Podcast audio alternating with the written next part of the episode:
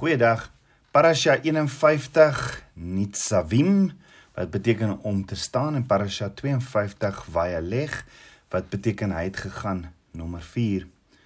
Ons gaan lees om in Deuteronomium 31 vers 6 tot 9. Wees sterk en volmoed. Wees nie bevrees en word nie verskrik vir hulle nie, want dit is Jahwe jou God wat saam met jou trek. Hy sal jou nie begewe of jou nie verlaat nie. Ons weet dit staan in Hebreërs 13 ook nie. Toe het Moses Joshua geroep en aan hom voor die oë van die hele Israel gesê: "Wees sterk en volmoed, want jy sal met hierdie volk in die land ingaan wat Jahwe aan hulle vaders met 'n eed beloof het om aan hulle te gee, en jy sal hulle dit laat erwe." En dit is Jahwe wat voor jou uittrek, hy sal met jou wees. Hy sal jou nie begewe of verlaat nie. Jy mag nie bevrees of verskrik wees nie. So ek glo hierdie gedeelte in hierdie week se parasha of gedeelte uit sy woord, uit Abba Vader se woord, bevat Abba Vader se hart en sy boodskap aan al sy kinders, ook aan my en jou. Abba Vader wil so graag hê dat hierdie boodskap aan my en jou ook, sy kinders, oorgedra moet word, dat hy dit binne 'n paar verse meermale sê of herhaal. So eers sê Abba Vader vir Moses om vir die kinders van Israel te sê: "Wees sterk en vol moed. Wees nie bevrees en word nie verskrik vir hulle nie, want dit is Jahwe jou God wat saam met jou trek. Hy sal jou nie begewe of verlaat nie." Dan sê Abba Vader vir Moses om dit weer vir Joshua te sê: "Wees sterk en vol moed, want jy sal met hierdie volk in die land ingaan wat Jahwe aan hulle vaders met 'n eed beloof het om aan hulle te gee en jy sal hulle dit laat erwe. En dit is Jahwe wat voor jou uittrek. Hy sal met jou wees. Hy sal jou nie begewe en verlaat nie. Jy mag nie bevrees of verskrik wees nie. So die vraag is as mense kyk na hierdie waarskuwings Wat is die twee invloedrykste geeste of emosies wat die mens kry om dinge te doen of nie te doen nie? Vrees en verwerping, nê? Nee. Mense word deur die gees van vrees gekry om dinge te doen wat hulle andersins nie sou doen nie. En dan verwerping kan die lewe van 'n individu verlam deur nooit te weet wie hy bedoel was om te wees nie. En Abba Vader weet hierdie. Abba Vader weet alles en daarom spreek hy dit hier aan op Moses se laaste verjaarsdag in sy slot toespraak of speech voor hy sterf.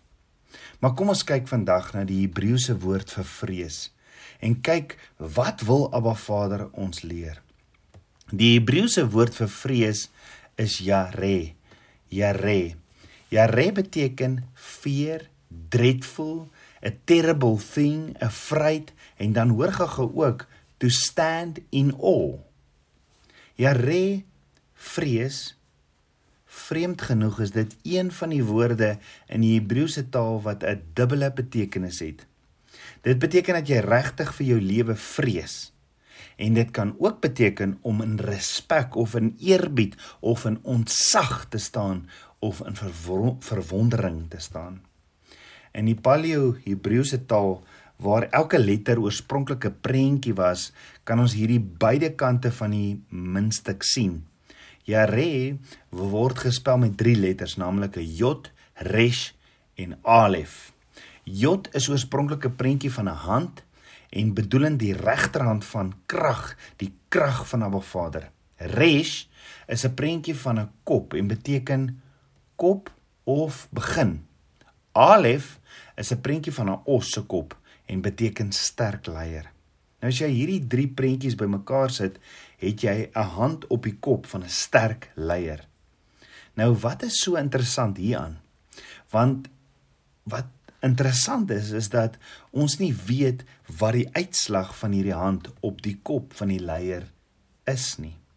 Dit kan die hand van salwing op die leier wees of die hand van regstelling wees, want Jare het mos albei betekenisse. Met ander woorde, dis die respek en eerbied van die gesagshoof oor jou wat jou kan seën of regstel en hoor gaga, dit is die rol van 'n goeie vader.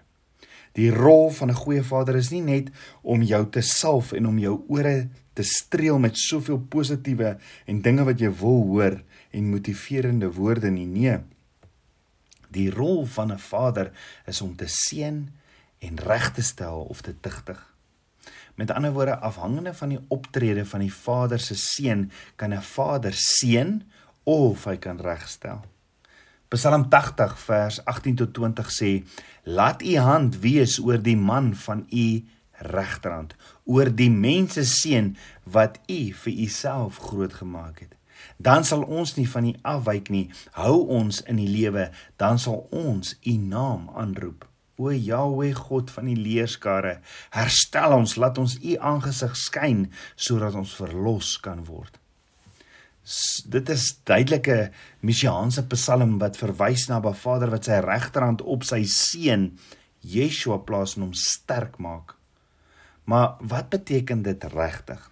Dit beteken wanneer ons 'n Vader se regterhand op iemand sien afkom, kan dit sowel 'n salwing of 'n teregwysing wees. So ek gaan iets voorstel. Gegrond op my eie lewe. Ek gaan voorstel dat Jare te gelyk of terselfdertyd salwing en regstelling is. Kom ek verduidelik. In die woord is daar hierdie patroon dat salwing regstelling volg. Kan ek dit herhaal?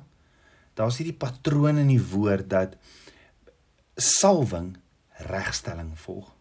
Net soos die kop nie van die stert op 'n muntstuk geskei kan word nie.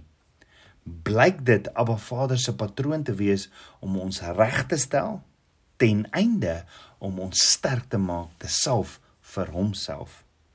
Hoor gou-gou in Job 5 vers 17 tot 18 staan: Kyk, gelukkig is die man wat God kastei, verwerp daarom die tigtiging van die Almagtige nie, want hy doen smart aan, maar verbind ook hy verbrysel, maar sy hande maak gesond.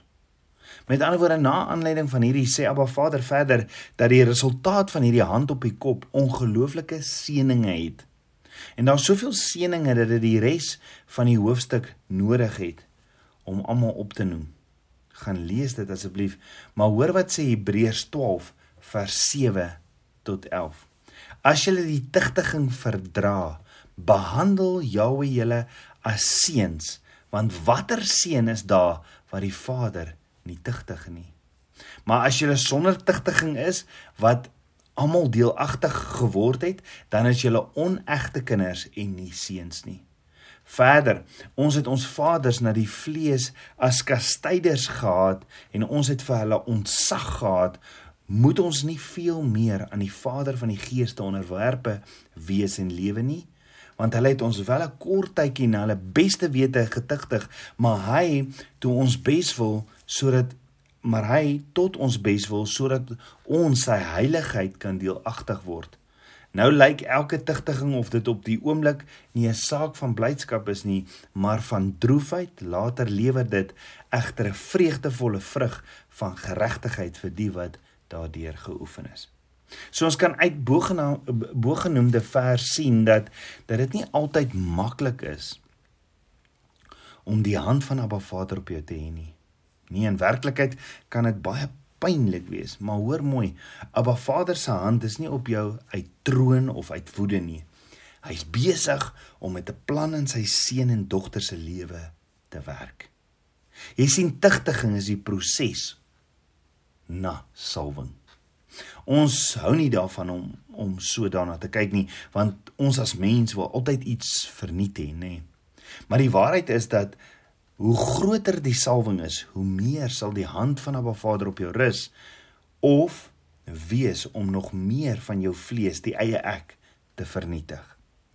As Abba Vader begeer dat jy sy kanaal, sy spreekbuis, sy tuinslang waardeur die water moet vloei, moet wees, waardeur sy lewende water moet vloei, moet hy jou pype skoon maak sodat jy meer van sy lewende water, suiwer water deur jou kan vloei. So as jy hierdie tuinslang in Vader se hand wil wees, die gras en die water nodig. So jy's net die jy's net die instrument.